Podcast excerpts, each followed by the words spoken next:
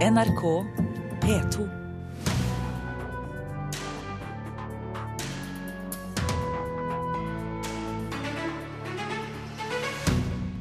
Flere etterlatte gikk altså i protest mot kommunalministerens folkemøte om 22.07-minnesmerket i går. Komponist Synne Skauen trekker seg fra Spellemannjuryen. Prisen mister troverdighet når jurymedlemmene ikke får betalt, mener hun. Og russiske myndigheter strammer grepet om mediene i landet. Flere profiler slutter eller trues med sparken, og CNN stenger kontoret sitt midlertidig. Du hører på Kulturnytt med Birger Kolsrud Jåsund i studio.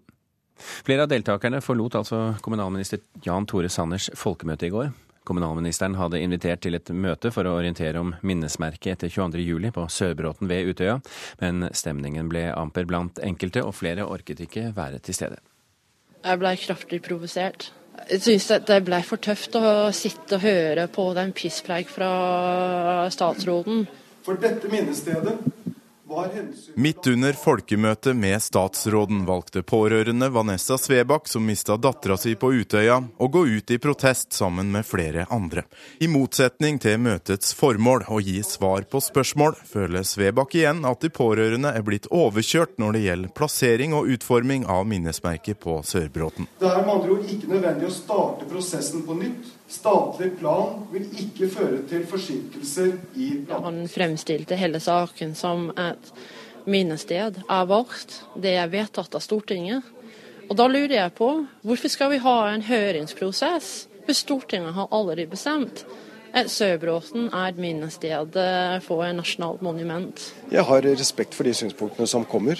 Samtidig så vet jeg også at det er veldig mange andre stemmer og veldig mange andre som ønsker at minnesmerket skal komme på plass. Men Vanessa Svebakk mener det er flere pårørende som har reagert på at navnet til deres kjære skal risses inn i fjellet på Sørbråten uten at de nærmeste er blitt spurt om det er greit. Det har vært planen hele tiden etter monumentet ble valgt. Og vi har bedt om å få vite når vil vi bli spurt. Det ønsker mange av de andre familier. Eh, navnet til barna våre er ikke statlig eh, eiendom. Naboer og andre berørte vil ha samme mulighet til å komme med innspill og Ifølge kommunalministeren står døra fremdeles på gløtt for innspill. I tillegg er det satt i gang en undersøkelse av hvilke psykososiale virkninger et minnesmerke vil få. Det er kommet uh, som et ønske fra Hole kommune, og det er grunnen til at vi også, også gjennomfører det. Uh, så vi spør nå noen av de fremste nasjonale miljøene i, i Norge uh, for å få deres vurdering av om dette vil ha noe psykososial virkning, og så må vi eventuelt vurdere tiltak for å imøtekomme det. Vi ble lovet i begravelsen til uh, den vi har mista. Vi skal tviholde på å være et demokratisk land. Og Da forventer jeg at det skal demokrat, demokratisk regjere her også. Det gjør det ikke. Reporter her, det var eh, Torkil Torsvik.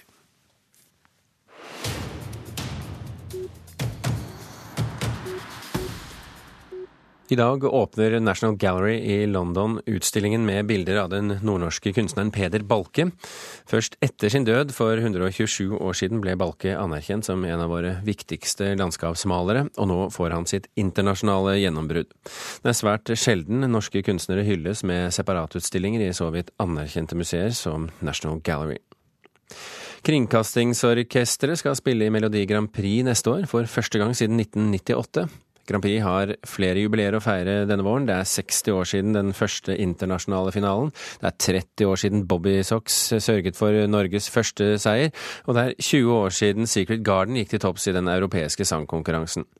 Kringkastingsorkesteret er hentet inn for å kaste jubileumsglans, som det heter. Hvilke ti artister som deltar i den norske finalen neste år, det blir kjent i januar.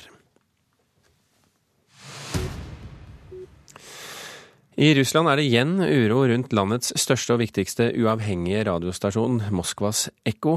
Før helgen ga selskapet en journalist som annet har dekket konflikten i Ukraina, sparken, samtidig som også radiostasjonens meget profilerte redaktør trues med det samme. Og Korrespondent Morten Jentoft i Moskva, hva er bakgrunnen for det som skjer rundt Moskvas Ekko akkurat nå?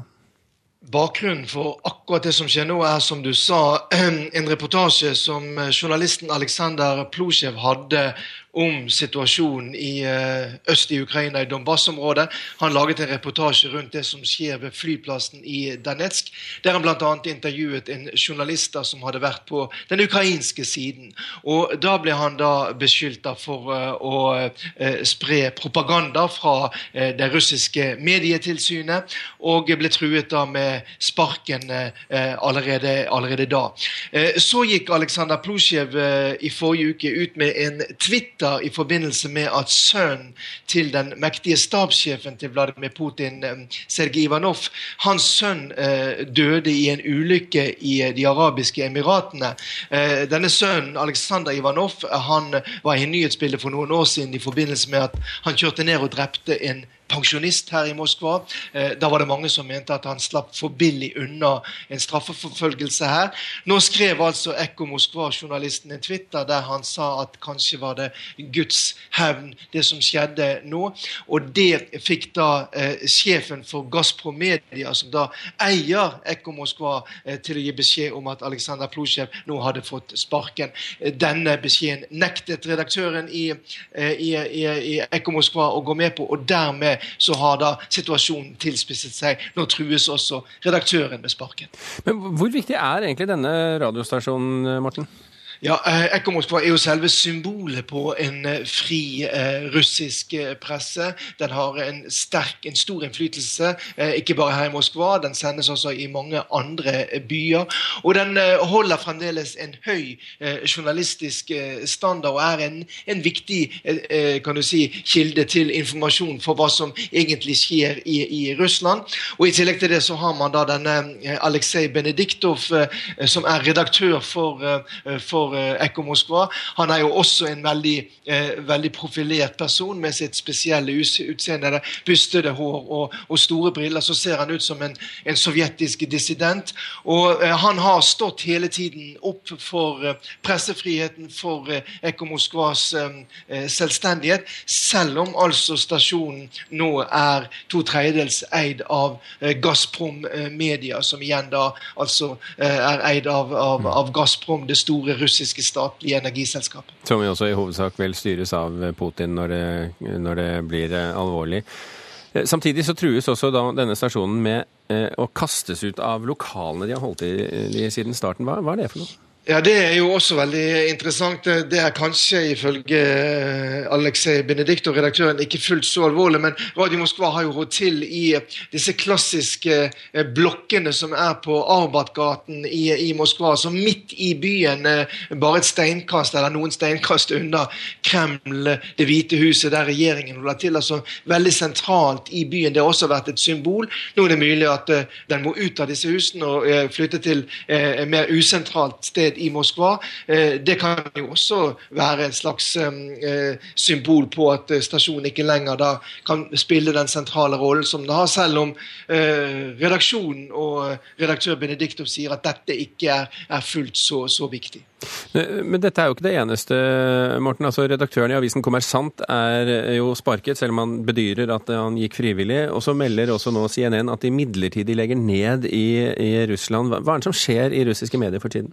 Ja, For å ta det med CNN, så er det viktig å skille mellom, eh, mellom kontoret som CNN har her i, i, byen, altså det journalistiske kontoret med journalister som dekker Russland. Det skal opprettholdes som før.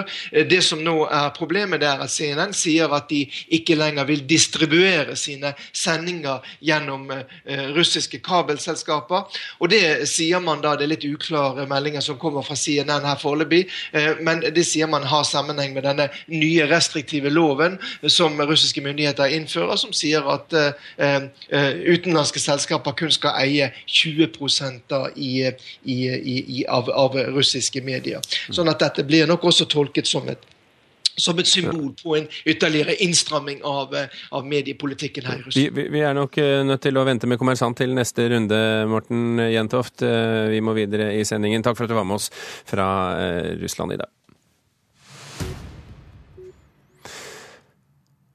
Komponist eh, Synne Skauen mener det er prinsipielt forkastelig at jurymedlemmene i Spellemannprisen ikke får betalt. Skauen skulle egentlig vurdert årets bidrag i kategorien samtidsmusikk, men trakk seg fra juryarbeidet da hun oppdaget eh, at oppdraget ikke var lønnet. Jeg var vel i gang, men da den beskjeden kom, så, så så jeg ikke noen annen utvei enn å bare si at men da må jeg trekke meg. Jeg har ikke tid til å jobbe gratis i flere uker med dette. Synne Skauen, som er leder av Norsk Komponistforenings musikkfaglige utvalg, sier hun ble svært overrasket over at jobben ikke var betalt. Jeg ble himmelfallen. Da har det aldri falt meg inn at det ikke var honorert. Det er jo faktisk slik at eh, for å få en Spellemannspris på beina, så er den viktigste jobben er det artistene som gjør. Den nest viktigste jobben er det jo faktisk juryen som gjør. Og det kan jo ikke være sånn at det bare er de som har tid og råd um, og lyst til å jobbe gratis, som skal bestemme hvem som får årets Spellemannspris. Og vinneren, vinnerne, er Ingebjørg Bratland og Odd Nordstoga. Slik hørtes det ut da Ole Paus i fjor delte ut prisen i kategorien folkemusikk og tradisjonsmusikk. Juryen, som på forhånd hadde hørt igjennom de innsendte bidragene og kåret vinneren, fikk ikke betalt for jobben. I fjor som i år fikk de kun en billett til selve Spellemannsshowet i Stavanger. Eventuelt kunne de velge et gavekort på 500 kroner. Vi har ikke økonomi til noe mer, forklarer Spellemannprisens styreleder Marte Thorsby. Spellemannprisen er på en måte en stor, eneste stor eh, dugnadsånd i bransjen. Vi er veldig mange som jobber uten honorar. Eh, det er veldig mange som putter både mye tid og mye kompetanse inn i Spellemannprisen. Og vi har rett og slett ikke økonomi heller til å, å på en måte betale større honorarer til så mange jurymedlemmer som vi har. Spellemannprisens motstykker i Sverige og Danmark betaler heller ikke jurymedlemmene, påpeker Thorsby, men Syne Skauen mener honorarer for slikt arbeid slett ikke er uvanlig. Og dugnadsånden har hun ikke forståelse for. Jeg kan ikke si at jeg har så stor forståelse for det, fordi jeg mener at det prinsipielt er forkastelig. Syne Skauen presiserer at hun ikke er imot Spellemannprisen, men hun mener dagens ordning truer troverdigheten. Fordi øh, jeg tror at øh, man i lengden øh, må ha problemer med å finne folk som er villige til å gjøre den jobben når de ikke får betalt for den. Og da må man rimeligvis rykke lenger ned på listene over folk. Og jeg, jeg er helt sikker på at det sitter gullgjeve folk i disse juryene. Uh, men jeg er også sikker på at um, de går glipp av folk i juryene som burde ha sittet der. Styreleder Marte Thorsby avviser at dette er et problem, og viser til at det i år trolig er færre enn fem som har takket nei til å sitte i juryen fordi de ikke får betalt. Nå ser vi at de aller fleste takker ja til å sitte i juryen med da det honoraret vi har. Og jeg kan ikke se da at dette, at noen få trekker seg, at det truer troverdigheten til Spellemann. Reporter her var Une Marvik Hagen. Vi er kommet halvveis i Kulturnytt. Klokken er snart 16 minutter over åtte. Du hører på Kulturnytt altså, dette er toppsakene i Dagsnytt nå. 36 millioner kroner som kunne gått til terrorofre etter 22.07, blir stående urørt. Flere kommuner har ikke søkt om støtte. Direktør i Justisdepartementet blir gransket etter å ha skjenket 20 unge menn i et fylleforsøk for å teste en energidrikk. Og krigen mot IS går dårligere enn planlagt, det mener militære eksperter i USA.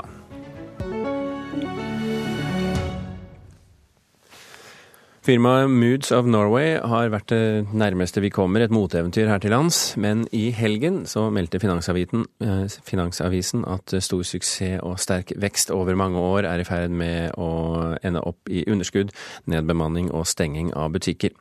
Jorunn Sofie Falmo Aartun, forfatter og journalist i Dagens Næringsliv på linje fra London. Hva er det som har gått galt for Moods of Norway? Altså Moods of Norway de har vært kjempeflinke på mange områder, men de bærer preg av å være en gründerbedrift. Det er mye armer og bein, og de har kommet kjempelangt takket være pågangsmot og dugnadsvilje. Men for at de nå skal klare å møte markedet de er på, og størrelsen de har blitt, så er de nødt til å gjøre store organisatoriske endringer. Finansavisen eh, har for så vidt ingen åpne kilder i sin sak, så vidt jeg kan lese. Men eh, kan vi likevel stole på opplysningene? Altså Jeg kan selvsagt ikke si noe om Finansavisens anonyme kildegrunnlag, men det er ingen tvil om at eh, Moods of Norway står overfor store utfordringer. Men hva er det de prøver å få til nå da med denne omleggingen? Altså Moods of Norway har eh, vært kjempeflinke til å vokse på det norske markedet, og nå ser de eh, rett og slett mot verden. De har fått distribusjon i Storbritannia, Italia, de satser i Kina, og de ønsker å skape et globalt livsstils merket, tufta på traktorlogoen, kjærlighet til bestemor, vaffelruter og psykadeliske dresser. Men hvordan, altså En ting er når nyhetens interesse er der og det er moro, men når de skal bygge en, en bedrift som skal være over tid i knallhard konkurranse med andre merker, eh, hvordan skal de få det til? Altså De fleste tekstilbedrifter som skal nå det globale markedet, de trenger eh, profesjonelle eiere, og de trenger finansiering. Og Derfor er de tjent med å alliere seg med investorer som kan tilføre egenkapital under litt andre vilkår. Altså Hvis du ser på f.eks. det norske klesmerket Helly Hansen. da, de hadde nok ikke hatt en så sterk posisjon på markedet i dag uten dedikerte profesjonelle eiere i ryggen, som da har tilført både kompetanse og nettverk. Og Helly Hansen ble jo solgt i 2012 for to milliarder kroner, så det har vært en kjempesuksess. Men som sagt, eh, det er eh, viktig at man eh, kanskje får profesjonelle eiere i ryggen for å lykkes på markedet. Men de må vel kanskje ha mm, mer profesjonalitet i, i organisasjonen også. Nå skal de altså si opp en 40-50 stykker. Hva slags arbeidsplasser er det som skal forsvinne, og hva er det som erstatter dem? Jeg kan ikke si noen detaljer om hvilke stillinger som eh, kommer til å kuttes. Men eh, jeg vil tro da at eh, det er naturlig at man rett og slett gjør omstruktureringer i en vekstfase. Dette er veldig sånn typisk for alle bedrifter som skal ekspandere. Og jeg tror at de kommer til å satse mye mer på nett netthandel bl.a. Noe som kan føre til at eh, flere butikkmedarbeidere kanskje kan komme til å måtte gå. Men det, det blir jo mine vurderinger. Jeg har mm. ikke det verifisert fra, fra selskapet ennå. Eh, vi hørte jo i mars at Moods of Norway eh, ble forsøkt solgt til utenlandske investorer, og at det ikke gikk så veldig bra. Hvordan skal vi tolke det? Jeg tror man skal tolke det på en måte at de kanskje ikke helt var i mål med de endringene som de bør gjøre da, for, å, for, å, kunne tiltrekke seg eh, investorer og profesjonelle eiere. Og den organiseringen er de jo allerede i gang med nå. Eh, så det blir veldig spennende å se hvordan, eh, hvordan den omleggingen vil, vil foregå, rett og slett. De har fått en ny amerikansk toppsjef, som er en sånn kjempeveteran i amerikansk sammenheng. Han har bl.a. rullet ut Tommy Hilfiger på det amerikanske markedet. Og de har ansatt tre eh, franske designere som har jobbet for ledende motehus i eh, i Frankrike tidligere. Eh, og så jobber de veldig aktivt med både sortimentet og varepakken sin. Så de er i gang med store endringer. Eh, de fikk kanskje ikke med seg de profesjonelle eierne i første runde, men det trenger jo ikke bety at ikke de kan klare å vokse og etablere seg på markedet etter hvert. Vi får uh, følge med, og så snakker vi med deg ved neste korsvei, korsvei Jorunn Sofie Falmo Aartun. Tusen hjertelig takk for at du var med oss fra London. Takk. Ni mennesker helt alene på en øde øy i seks måneder. Det høres kanskje ut som en drømmesituasjon, men ikke når øya vi snakker om er Bjørnøya i Barentshavet. I kveld begynner dokumentarserien på seks episoder her på NRK om livet på Bjørnøya. Jeg er jo vant til det motsatte. Jeg er jo vant til å bo alene i en by. Jeg tror at ja, de største utfordringene er selvfølgelig det sosiale. Det at vi skal være seks måneder sammen, bare vi ni. Bare det i seg sjøl, det skremmer meg lite grann, tror jeg.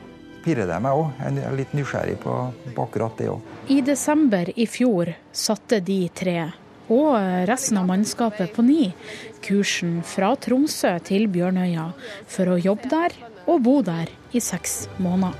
NRK ble med. På denne lille øya ligger en av Norges viktigste værstasjoner.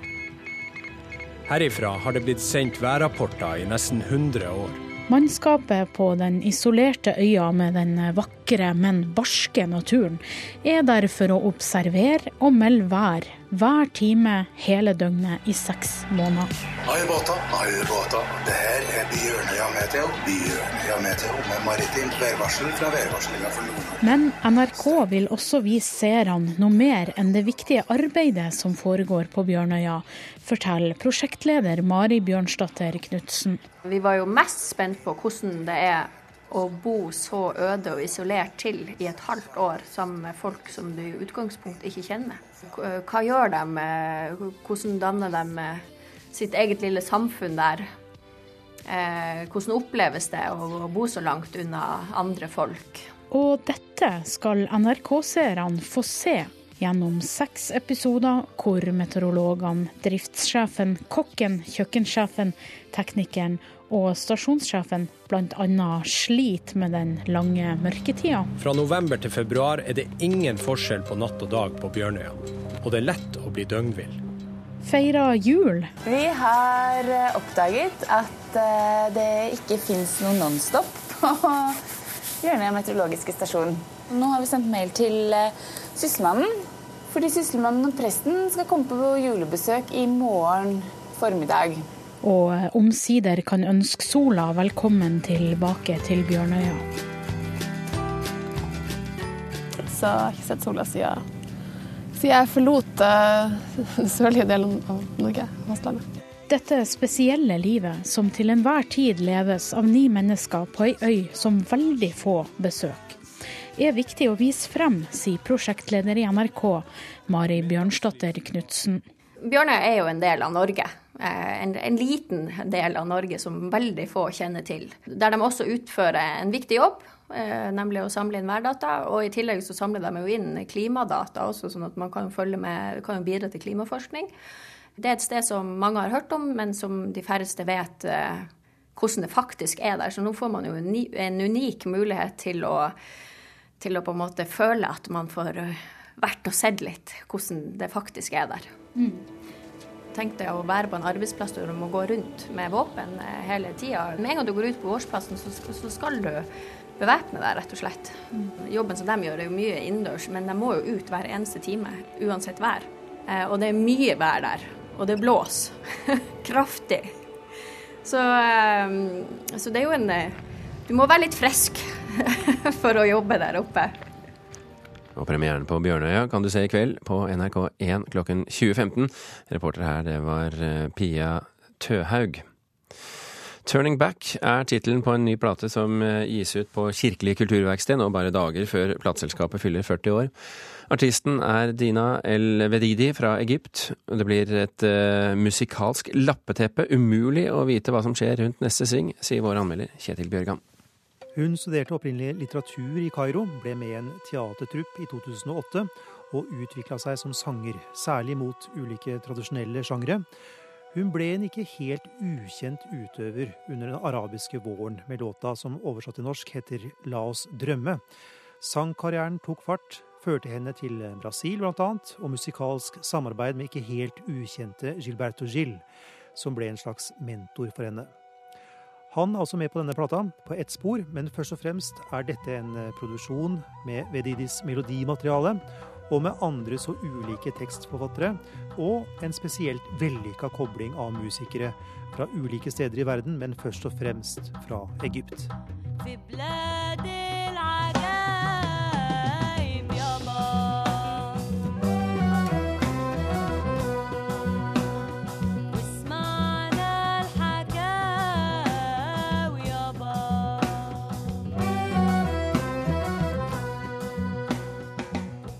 Det er ikke første gang Kirkelig kulturverksted trekker fram musikere fra Midtøsten.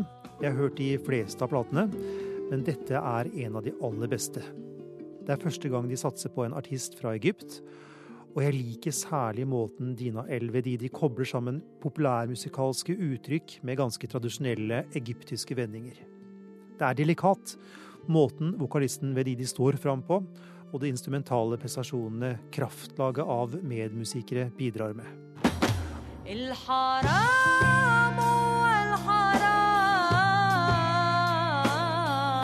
يا عم يا بتاع الكلام الحرام والحرام Akkurat når det gjelder tittelmelodien, 'Turning Back' på engelsk, til tross for en fin innledning, er vokallyden produsert fram ved hjelp av en klang som lager en romantisk vignett rundt den klare og flotte stemmen til Dina El Vedidi. Dette har jeg hørt mye av på produksjonene til Kirkelig kulturverksted. Det er blitt et slags eh, kjennetegn, og er for meg litt uforståelig. Men her skjer det bare unntaksvis.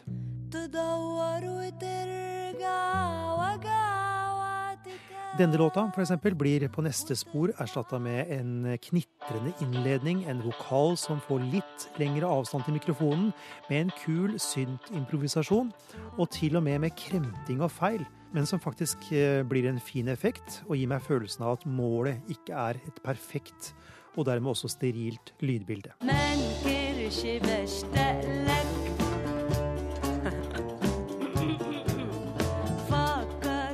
Variasjon er stikkordet. Det går fra det ene til det andre, ganske intime øyeblikk, til sløyere musikk, mer trøkk, mer sammensatt, gjennomkomponert med ulike tempi. For én og samme låt har gjerne mange skifter, fra moderne melodiske uttrykk som i neste vending siver ut med solopartier spilt på tradisjonelle egyptiske instrumenter, eller koblingen av skjøre toner med elektronikk. Men ikke bare det. Vedidi skifter også mellom velkjente vestlige harmonier til skeivere toner, der hun treffer et sted mellom de hvite og svarte tangentene. Det er et lappeteppe. Umulig å vite hva som skjer rundt neste sving. Aldri på akkord med det jeg tror må være Vedidis smak, altså musikk med integritet, som ikke på død og liv skal være tilgjengelig for alle. Selv om jeg i og for seg mener at uh, musikken her har et potensial til å nå mange.